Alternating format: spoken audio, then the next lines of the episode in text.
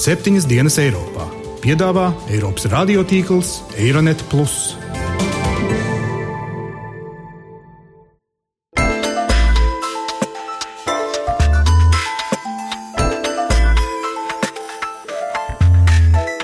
Šonadēļ septiņas dienas Eiropā dzirdēsim. Solidaritāte tas varētu būt risinājums. Watch the EU project fall to pieces. Es domāju, ka Eiropai nu, nedraudz sabrukums. Ja būsim godīgi, nevienam neinteresē grieķu bezdarbs.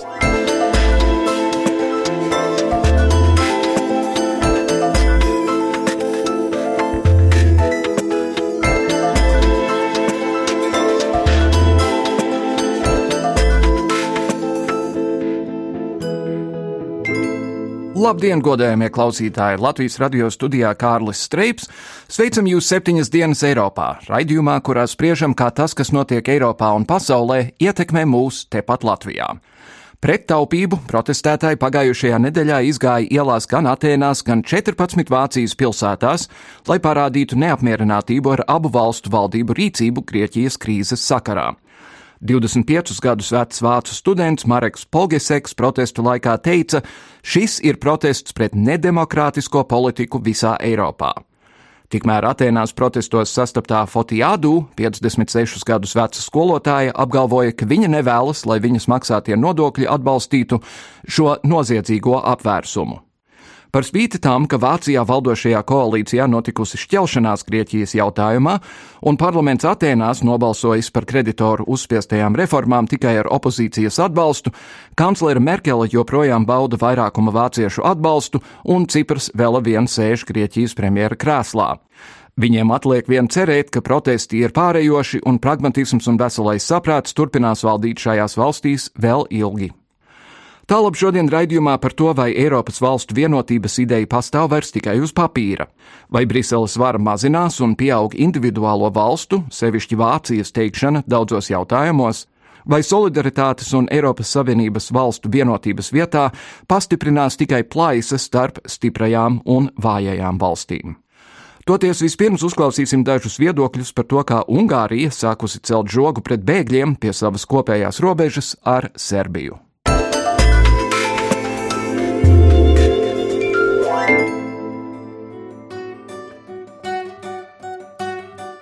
Kas attiecas uz pašreizējo Eiropas imigrācijas krīzi, Ungārija atrodas salīdzinoši unikālā situācijā.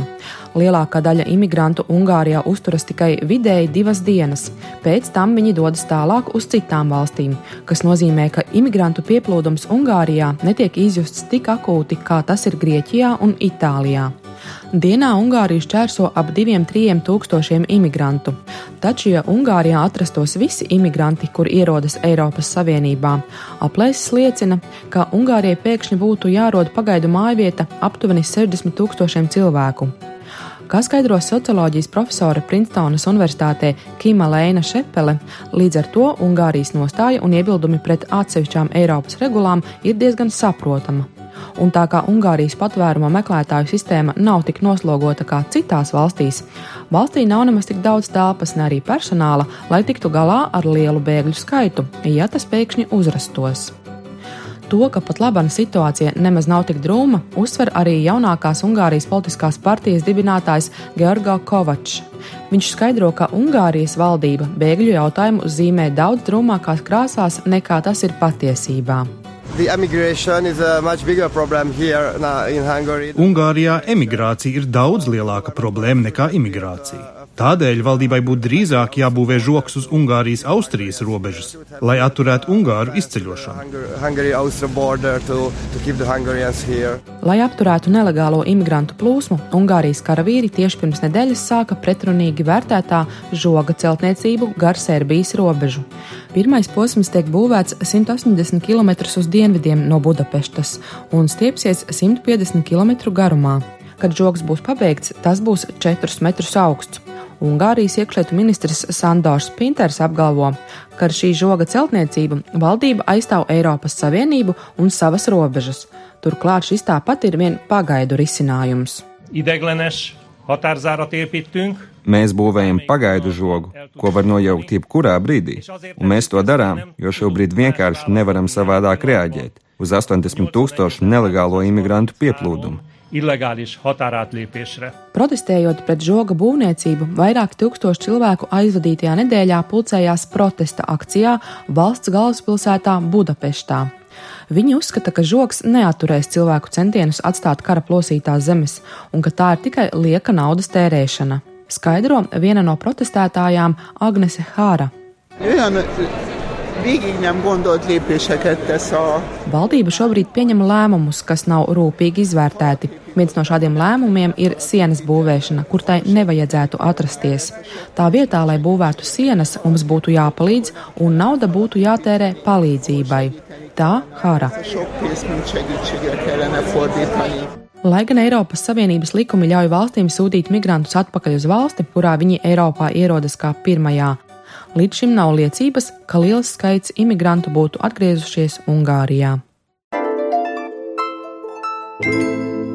Jau 2013. gadā Eiropas presē tika publicēts Vācijas finanšu ministra Wolfganga Šoiblas viedoklis, ka paši vācieši, citēju, nevēlas vācisku Eiropu un neprasa citiem līdzināties viņiem. Tālāk viņš klāsta, ideja, ka Eiropu vajadzētu vai pat varētu vadīt viena valsts, ir skaidra aplamība. Eiropas unikālā politiskā struktūra balstās uz dalību valstu vienlīdzīgu līdzās pastāvēšanu. Toties tālāk viņš brīdina, ka Vācija, atkal citēju, jūt īpašu atbildību pret savstarpēji apstiprināto stratēģiju, lai atrisinātu krīzi Eirozonā. Bet mēs saprotam, cik svarīgi un būtiski ir koordinēt krīzes pārvarēšanas centienus ar pārējām, gan lielajām un mazajām Eirozonas valstīm. Noslēgumā Šoible vēl izsaka domu, citēju, Vācieši vēlas, lai Vācija darītu visu Eiropas ekonomikas atvesļošanās labā, nenovājinot pašu Vāciju jo Vācija vēlas dzīvot tādā Eiropā, kas ir spēcīga un konkurētspējīga. Eiropā, kurā tiek veidoti saprātīgi budžeti un kur netiek uzkrāti nesaprātīgi parādu apjomi. Ja vien Eiropieši jau tad būtu ieklausījušies Šoiblas vārdos, tad šodien nebūtu tik pārsteigti par viņa skaudro un drakonisko rīcību. Vairāk par sašutumu, par Vācijas lomu krīzes risināšanā un pārdomām par Eiropas projektu nākotni manas kolēģis Kitas Siliņas sižetā.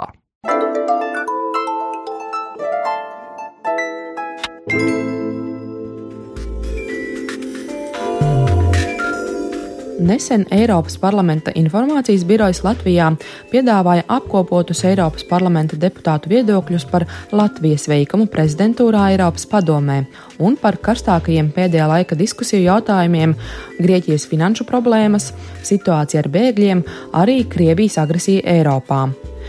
Jūs runājat tikai par starptautiskiem uzņēmumiem un lielajām korporācijām, bet kur paliek cilvēki? Eiropas komisijas prezidentam Žanam Klodam Junkaram jautāja parlamentārietis Gianluca Bonanno no Itālijas.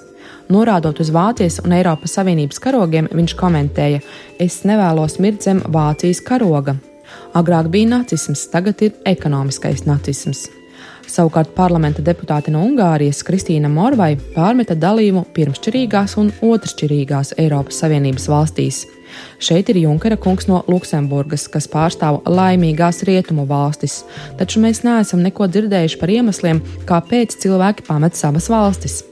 Viskaismīgāk runāja britu eiroskeptiķis Pols Natāls, kurš sacīja, ka Latvijas prezidentūra nav bijusi veiksmīga, jo tās paspārnē notikusi migrācijas un Grieķijas krīze. E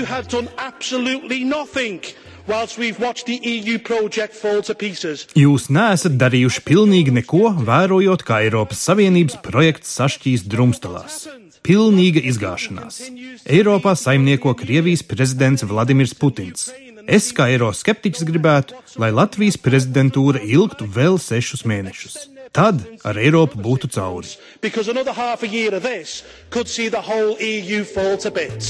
Šie Eiropas parlamenta deputātu viedokļi īsi ilustrē zināmas sabiedrības daļas domas par to, kāda noskaņa valda pat laban Eiropas Savienībā, kuras devīze gan skan joprojām vienoti dažādībā. Organizācijā, kuras tapšanas pamatīdēja pēc otrā pasaules kara bija, ka valstīm Eiropā tik cieši jāsatuvinās ekonomiski, lai trešais pasaules karš vairs nebūtu iespējams. Taču patreizējo krīzi Eiropā, kas ilgst jau daudzus gadus, daži analītiķi pat atzīst, ka šāda situācija esot bijusi visu laiku, raksturo dziļā fragmentācijas fāze, valstu nacionālās intereses pāri Eiropas Savienības vienotības idejai, pieaugušais nacionālisms gan politikā, gan ekonomikā un, kā tiek norādīts, periodiska solidaritāte politiskā līmenī, bet tomēr ne starp cilvēkiem. Latvijas ārpolitikas institūta pētniece Ilvija Bruģa norāda, ka Eiropā vienmēr ir pastāvējuši savi nacionālie, gan ekonomiskie, gan politiskie mērķi katrai no valstīm, ieskaitot arī vecās lielās dalību valstis - Vāciju, Franciju, Lielbritāniju. Savukārt mazās valstis viena otru labāk saprot tās, kurām ir kopīga pagātnes pieredze un līdzīga identitāte. Tur ir gan vēstures, gan zināmā mērā arī identitātes, jo gal galā Ukrainai un Latvijai ir kopīgs ārējais ienaidnieks, kas Latvijai ar Grieķiju tāda nav. Tanī pašā laikā Grieķijai un Itālijai ir imigrācijas problēmas. Grieķijai un Itālijai uztrauc tās lietas, kas notiek tālāk dienvidos, kas mums patiesībā nemaz nav relevantas. Jo viņas ir relevantas kā mums, kā Eiropas Savienības dalību valstī, bet viņas nav relevantas mums kā latviešiem. Jo mums tiešām, ja būsim godīgi, nevienam neinteresē grieķu bezdarbs, ja mēs uztraucamies par savu bezdarbu.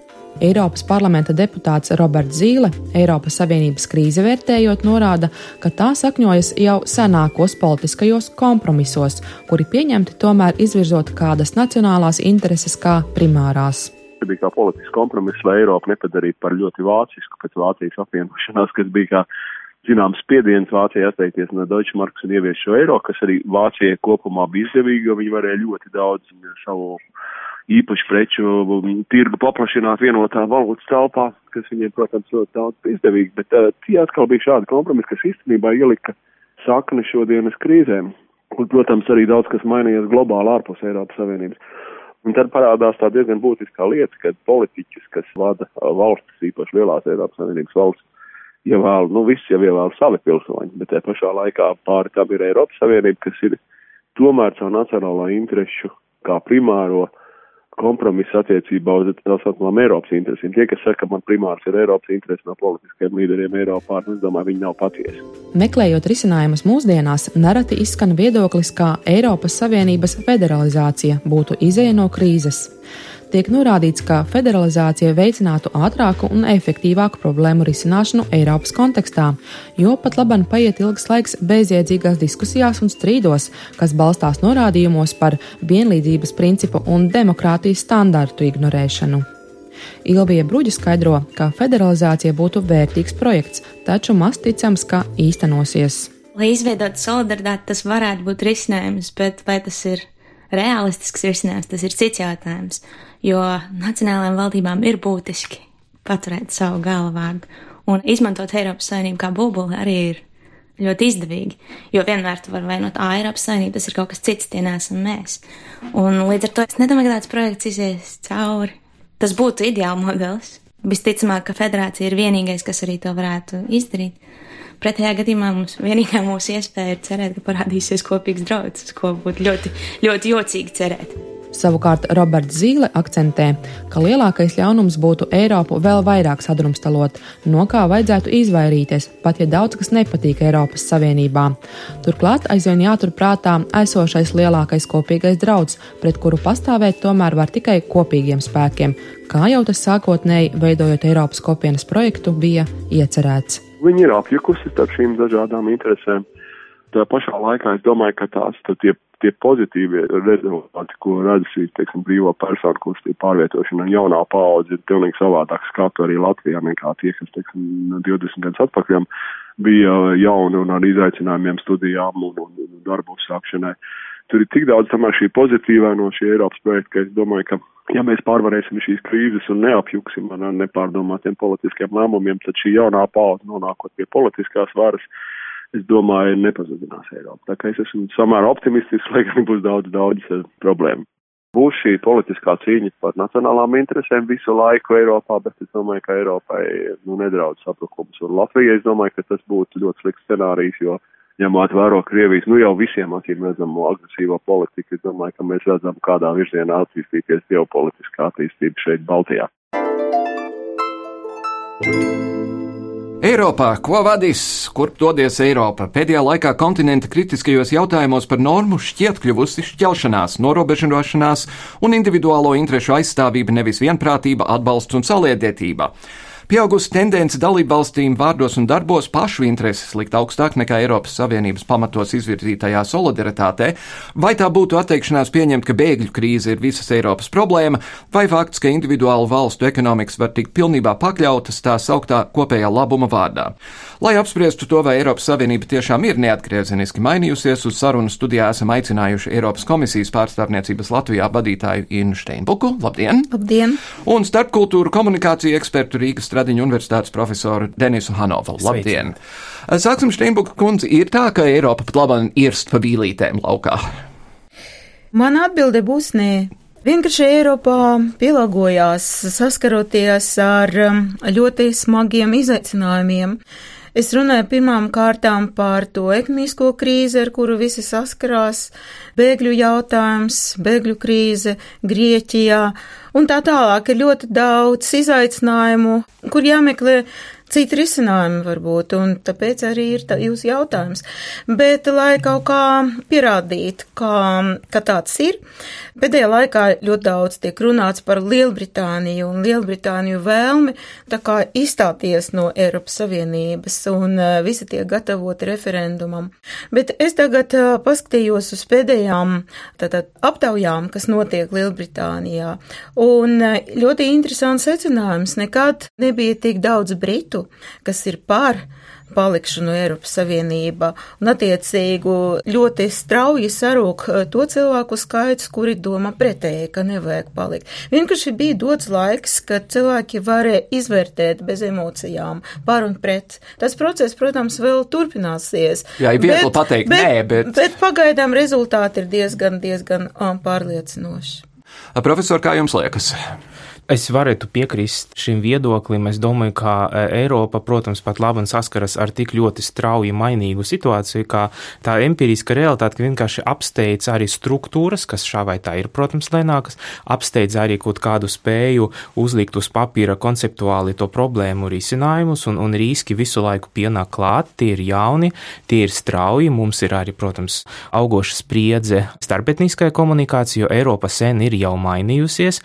Visi tie no mums un no klausītājiem, kas ceļo, labi zina, kā Latvijas sabiedrība radikāli atšķiras no tā, ko mēs redzam Briselē, ko mēs redzam Londonā, Parīzē un tā tālāk. Un tā nav tikai kādā dīvainā plūsmā, kas uh, ienāk Eiropu un maina to šie cilvēki, kas pieder pie kultūrām un kopienam ārpus Eiropas kristietības kultūras, ir tagad daļa no šīs Eiropas. Respektīvi, tas Galvenais, kas mums ir jāmaina visiem, visiem eiropiešiem, jāmaina savu uztveri, tas, ka šie cilvēki ir tagad arī eiropieši. Viņi ģērbjas savādāk, viņi svin citus svētkus, viņi ir, neskatoties uz visu šo atšķirību klāstu, ir daļa no mums, un es ļoti ceru, Eiropai pietiks šīs prasmes un pieredzes tomēr veidot šo saskarsmu un dzīvi kopā, balstoties uz satīcības un iekļaušanas, jo mums, Eiropiešiem, tādā gadījumā ir ļoti jāsaglabā savas atmiņas par 20. gadsimtu, kad šis citādais un atšķirīgais un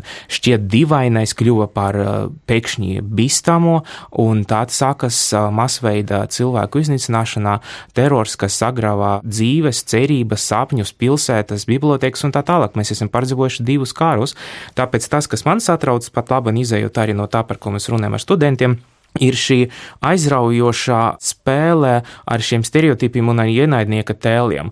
Un mēs, kā sabiedrības Eiropā, esam gatavi, kad tas brīžiem notiek Francijā, teiksim, apzīmogot Romus, kādu deportēt, kaut kādu izsūtīt, vai, teiksim, šeit Latvijā nenorīms debātas par to, kā šie cilvēki no ārpuses varētu nest mums visādas bīstamas slimības. Es domāju, ka tā ir apzināta un ļoti, ļoti graujoša spēle ar mūsu vārdarbīgu pagātni. Mm -hmm. Jo, protams, Protams, mēs nevaram nonākt uzreiz līdz tādam traģiskam sekam, kā mēs to piedzīvojam otrajā pasaules karā, bet tas ceļš, viņš nav garš. Cilvēku prātos šī vārdarbība var arī iesakņoties. Tādēļ, manuprāt, Eiropā to atrisinās, un es domāju, ka jāatceras viena lieta. Tomēr, sevišķi, ja mēs runājam par Britiem, šķirties no cilvēkiem vai no savienības, kura pavadījām vairākus gadu desmitus, ir arī ļoti smags ekonomisks, teiksim, lēmums, un es domāju, ka tomēr mēs redzēsim šīs kopējas intereses un spēju atjaunot, jo Eiropa krīzes bija visu laiku, visu Vienmēr Eiropas ir vēsturē, krīzes. krīze, Nu jā. krīžu vēsturē. Tad Steinbuks kundze, ko jūs sakāt tiem cilvēkiem Latvijā, kuri saka absolūtu nē? Piedalīties Grieķijas glābšanā, absolūtu nē, uzņemt pat 250 bēgļus. Vārdu sakot, mēs gribam Eiropas naudu, bet mēs negribam piedalīties šajos procesos. Nu, es gribu atgādināt par solidaritāti. Jo mēs nevaram domāt tikai par sevi, mēs nevaram domāt tikai par to, ka Eiropā ir kas laucamā govs, ka viņa dod naudu un neko neprasa pretī. Tā kā tas viss ir jāpatur prātā. Bet, nu, principā runāt arī par tām izmaiņām Eiropā. Es gribētu atgādināt, ka šajā gada jubilārs Jānis Rainis kādreiz teica, pastāvēs, kas pārvērtīsies, un man liekas, ka šobrīd Eiropā notiek tik tiešām kardinālas izmaiņas. Un negribētos, lai tās kardinālas izmaiņas mm, novestu pie kaut kāda neparedzamā fināla. Es tagad gribu atgriezties pie jūsu jautājuma par Grieķiju, jo nu, neviens nevar precīzi paredzēt, kas varētu notikt, ja Grieķija izstāsies no Eirozonas. Mēs varam domāt par kaut kādiem riska faktoriem atsevišķiem valstīm, bet mums tomēr ir jādomā plašāk par sistēmisko risku visai sistēmai. Un tas ir tā kā Pandora lāde, ka viņa varētu būt kā palaista un varētu būt diezgan bēdīgs rezultāts. Tāpēc manā skatījumā ir jādod iespēja Grieķijai tomēr saņemties un izpildīt savus mājas darbus. Arī tad, kad Latvijā notika reformas, ļoti daudzi neticēja, neticēja arī daži Nobeļa laureāti, ka Latvijā tomēr izies no krīzes. Nu, mēs varam ticēt, neticēt, bet jādod iespēja Grieķijai tomēr to krīzi pārvarēt, un tam ir nepieciešama palīdzība. Tiesa ir arī tie, kuri saka, ka, ka glābšanas plāns Grieķijai patiesībā nozīmē iespēju Vācijas un Francijas bankām sagrābt gandrīz visus Grieķijas aktīvus. Bet ko nozīmē sagrābt, ja Grieķija ir parādā un viņa ir parādā konkrētām valstīm, konkrētām institūcijām un parāda īstenība ir jādod? Tā mani mācīja mani vecāki Nu no bērnības, vai ne? Es īstenībā nesaprotu, kā var nedot parādus. Tikai bolševiki, man liekas, pēc revolūcija teica, ka mēs par cara parādu saistībām neatbildam. Mēs gribam nonākt pie tās pašas filozofijas, pie tās pašas ideoloģijas. Tam es galīgi nevaru piekrist. Savukārt, Hanovkungs, jūs, jūs minējāt jau, ka krīzes ir bijušas vienmēr, un, un konkrēti šajā konkrētajā lietā par starpetniskām attiecībām. Mēs esam redzējuši nemierus Francijas banlieue, mēs esam redzējuši nemierus Lielbritānijā, mēs esam redzējuši pieaugošu sarunu Vācijā par to, ka turkus vispār nevar integrēt, un, protams, mums šeit Latvijā ir jautājums par latviešiem un nelatviešiem. Vai tā ir vienkārši neizbēgama lieta, kuru kaut kā vajag noretušēt eh, ekonomiskās sadarbības un darba sadarbības dēļ?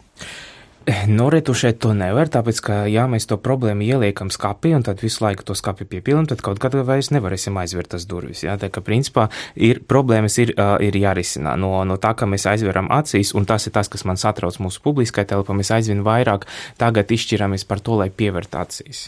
Mēs kļūstam skaļāki, mēs kļūstam tādi svinīgāki, un tad viss, kas notiek tā kā sadzīve, ka mums vēl kaut kādi nepadarīti darbi vai nenomazgāti trauki, to mēs aizvien vairāk negribam redzēt, un man liekas, ka tas ir tāds, kaut kāds sabiedrības paškritikas tāda mazināšanas. Es domāju, ka mums ir divi aktuāli jautājumi. Pirmkārt, kā veidot tik tiešām efektīvu iekļaušanos šeit Latvijā dzīvojošiem mazākumtautībām, nelatviešiem, un tad man principā jau gaida nākamais uzdevums. Mums tiešām jau šie 250 cilvēki, es tagad negribu baidīt mūsu varbūt dažus bailīgus klausītājus, bet tas ir tikai sākums. Tāpēc, ka šī plūsma neapstājas. Kārš visu laiku pārņem Āfrikas reģionu, un visu laiku šie cilvēki uh, gribēs meklēt drošību, to, ko kādreiz arī mēs meklējam citu iepriekšējā gadsimtā. Tātad, principā, tas ir tikai pats sākums.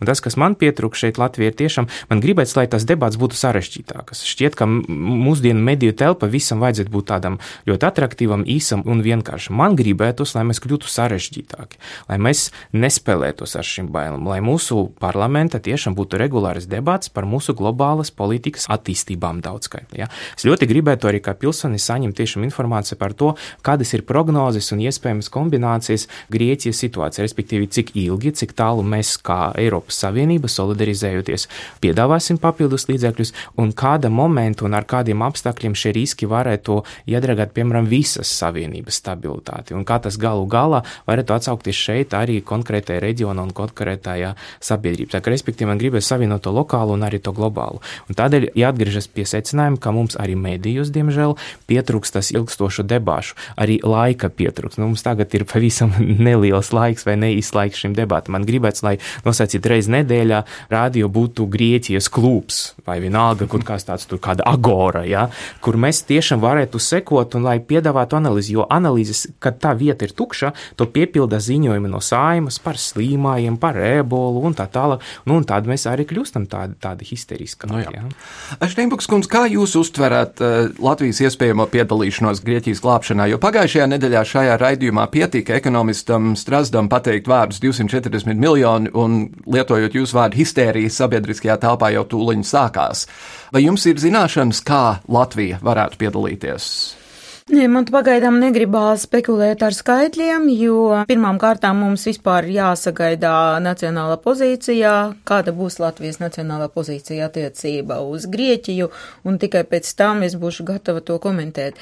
Jebkurā gadījumā noteikti, jebkura nauda, jebkuri līdzekļi, kas ir kādam jāatdod, var jāiemaksā kaut kādā kopējā fonda, tas jau nevienam nepatīk. Visiem patīk vairāk saņemt līdzekļus nekā atdot, bet pagaidām Latvija visu visu laiku īstenība ir ļoti liela vinētāja. Uz katru vienu iemaksāto eiro, tātad Eiropas Savienības budžetā Latvija pretī saņem no 4 līdz 5 eiro. Tā kā tie miljoni, kurus jūs pieminējat, tas noteikti nepadarīs Latvijas situāciju hm, daudz sliktāku.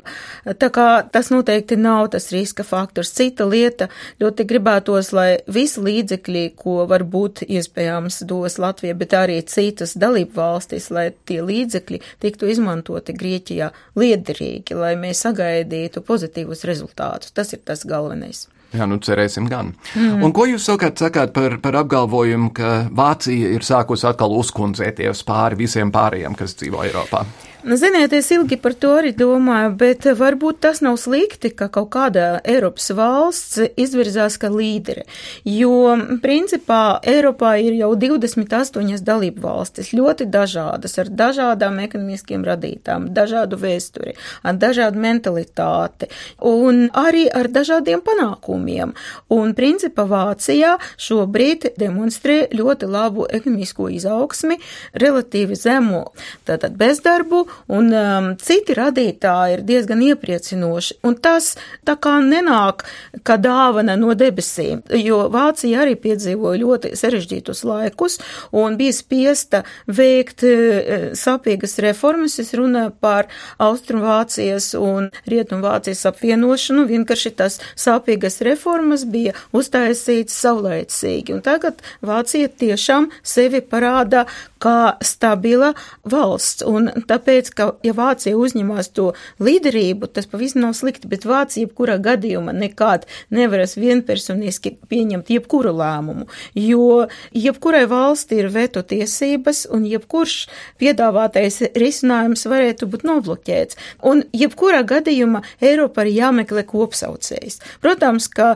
28 dalību valstis ar savām interesēm katra var pastāvēt uz savu, bet ir jābūt kaut kam, kas vienotas valstīs, jā, un ja viena vai divas vai trīs valstīs, tā kā veicināt to kopsaucēja atrašanu, tas ir tikai apsveicams.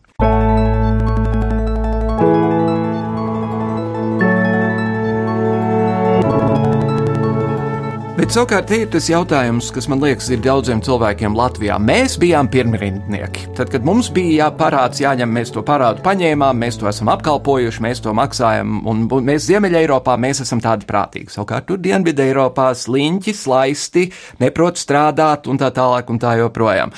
Vai tas ir ārpus loģikas un empirisma jūsuprāt? šī doma? Tik cik man bija iespējams sekot atkal Vācijas medijos lielākoties un arī zinātniskajos žurnālos par uh, Grieķijas sabiedrības struktūru 70. un 80. gados, kad viņiem arī vēlāk bija iespēja apgūt arī Eiropas budžetus un 90. gados, tad principā tie ekonomisti un sociologi konstatēja, tas tāds izvilkums, ka principā visa sabiedrība piedalījies arī gan ekonomiskais burbuļos, gan arī nekustamo īpašumu, teiksim, tā jau uzpustāja tirgu un tā tālāk. Tā kā es domāju, ka nu, nav vainojumi tikai kaut kāda politiska elite vai kādas partijas, bet principā visa sabiedrība piedalās arī kļūdās.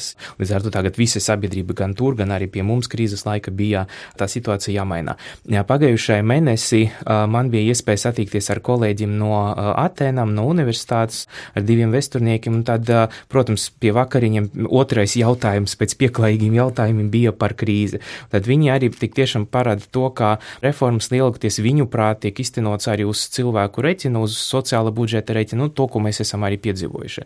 Viņam tomēr tā atšķirība ir tāda, ka ir diezgan izveidojusies pilsoniska sabiedrība, kas var protestēt. Man, jāsaka godīgi, atskatoties uz mūsu krīzi un uz mūsu risinājumiem, man ļoti žēl, ka cilvēki negāja uz ielām. Nu, vienreiz janvārī gāja gan un izdauzīja lokus. Tas nebija ne tas mērķis, ne tas idejas. Un tur vienkārši tas bija arī noteikti pilsētas jauniešu, tā teikt, maskulīna spēka izpausme. Tas notiek jebkura pilsēta socioloģiski, tas sen ir aprakstīts. Es domāju, ka negaidīja kādas profesionālas grupas. Diezgan neaktīvas vai vismaz bezspēcīgas bija mūsu ārotbiedrības. Man gribētu, lai tas būtu tādas tematiski protesti pret to, kas notiek kādas konkrētas nozares. Un man šķiet, ka tomēr mēs izgājām no krīzes bez tā, lai mēs izveidotu tādas ilgspējas pārējas kultūra, arī ekonomika. Mums ir ārkārtīgi lielas parodas mūsu tā saucamā vidusšķīra. Tātad, principā, no iekšējiem resursiem kapitāli nenāks, jā, jo mums ir dziļa, dziļa un izplatīta parādu kultūra. Kas attiec uz tiem dienvidiem un ziemeļiem, nu, tas ir viens no klasiskiem starpkultūru komunikācijas klišējiem, jā, tātad dienvidos, kas sākā vienīgais jumts ir debesis, cilvēki dejo līdz pašam rītam, tā tālāk. Ne viņi nedēļ, viņi arī ļoti smagi strādā, un ir vairāki stāsti par to, ka cilvēki tiešām cenšas divus, trīs darbus atrast atrast tāpat kā pie mums, bet nu, kaut kādas noteiktas kultūras īpašības tomēr atšķir tos dažādus reģionus. Es tomēr gribētu teikt, ka mēs esam pārāk klusi. Man gribētu, lai mēs būtu nedaudz dienvidnieciskāki, skaļāki. Mm -hmm. Un jūs noteikti teiksiet, ka Eiropas Savienības kontekstā nevar runāt par to, ka dažas valstis ir labākas un citas ir raņķīgākas. Ziniet, Eiropā īstenībā veidojās ir vienota dažādībā. Un ja šodien Latvijā ir varbūt augstuma rekordi, tad 18 dienvidu valstīs ir izsludināta karstuma un tur kaut kāds trauks, trauksmes signāls. Bet īstenībā vidēja temperatūra Eiropā varbūt ir laba, vai ne? Un galvenais, kā nav robežu, un tie, kam nepatīk kārstums, var braukt pie mums, un attiecīgi tiem, kas trūkst sauli, var braukt uz dienvidiem. Tā atšķirība starp valstīm ne tikai klimatiskā vai geografiska, bet uh, ekonomiskā, sociālā, kulturāla, viņa, viņa vienmēr pastāvēs, bet mums ir jāmēģina, un mēs arī mēģinām tik daudz laika, vai ne, dzīvot kopā un meklēt kaut kādu kopsaucēju, kas mums vieno, nevis to, kas mums tā kā padara par tam dažādām. Un to kopsaucēju ļoti daudz.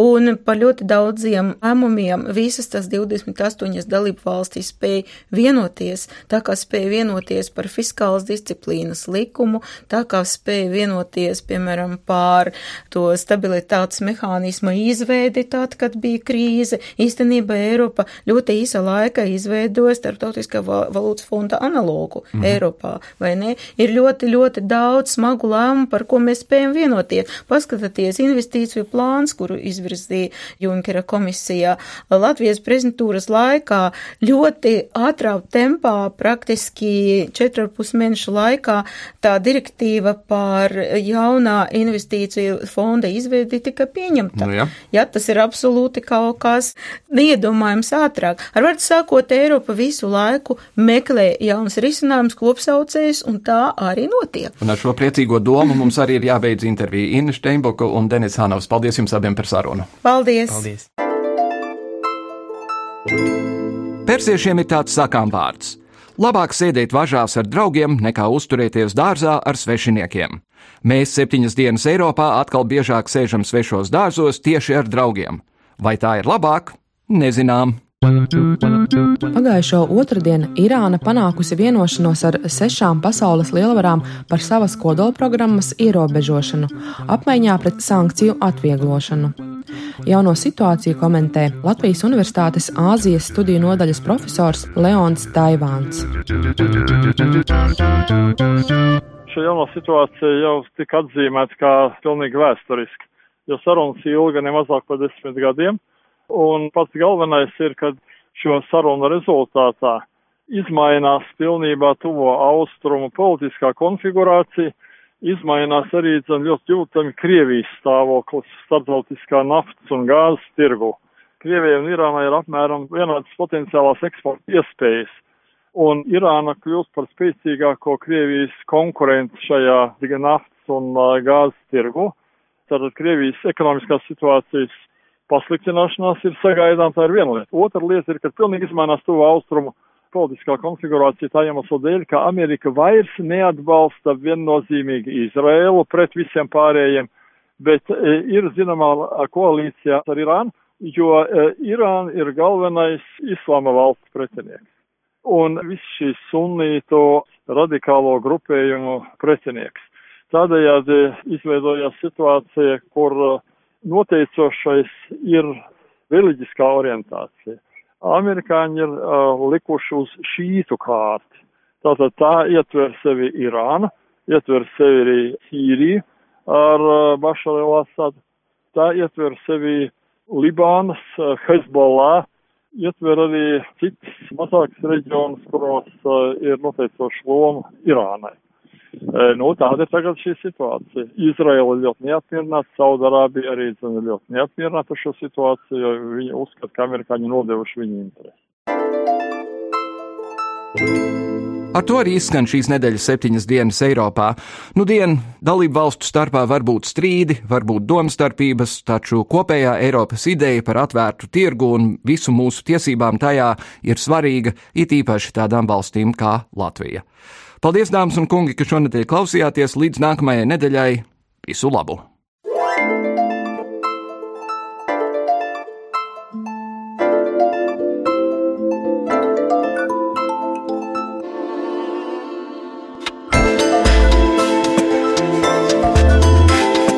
Raidījumu veido Kārlis Streips, Gita Siliņa un Jānis Krops. Producents Lukas Rozītis.